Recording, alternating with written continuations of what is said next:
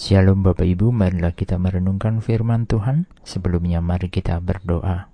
Tuhan kami rindu merenungkan firman-Mu. Roh Kudus, pimpinlah kami dalam perenungan saat ini. Di dalam nama Tuhan Yesus kami berdoa. Amin. Bacaan saat ini diambil dari Yesaya 54 ayat 10. Yesaya 54 ayat 10. Sebab biarpun gunung-gunung beranjak dan bukit-bukit bergoyang, tetapi kasih setiaku tidak akan beranjak daripadamu, dan perjanjian damaiku tidak akan bergoyang. Firman Tuhan yang mengasihani engkau.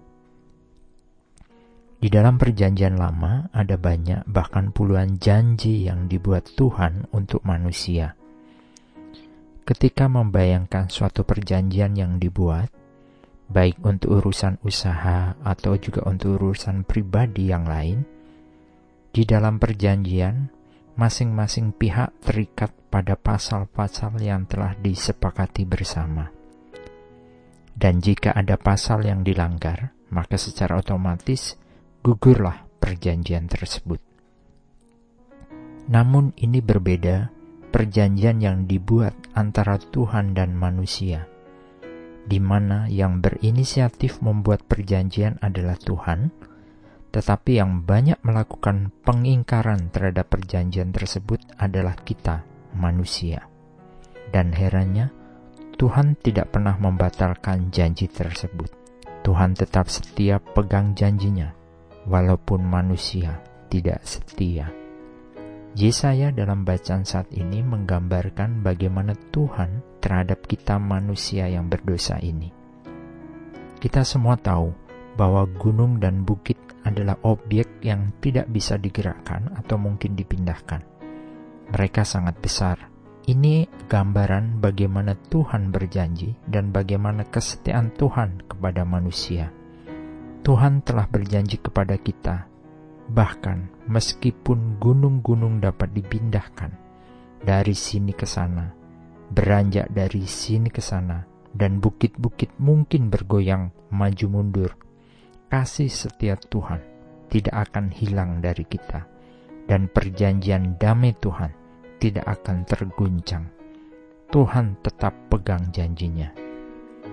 Mungkin kita pernah mengalami saat masa kecil ketika kita merasakan gempa bumi, apa yang dilakukan anak kecil?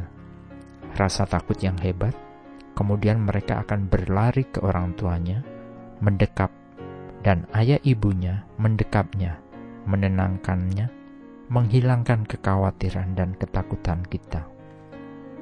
Demikian pula Tuhan.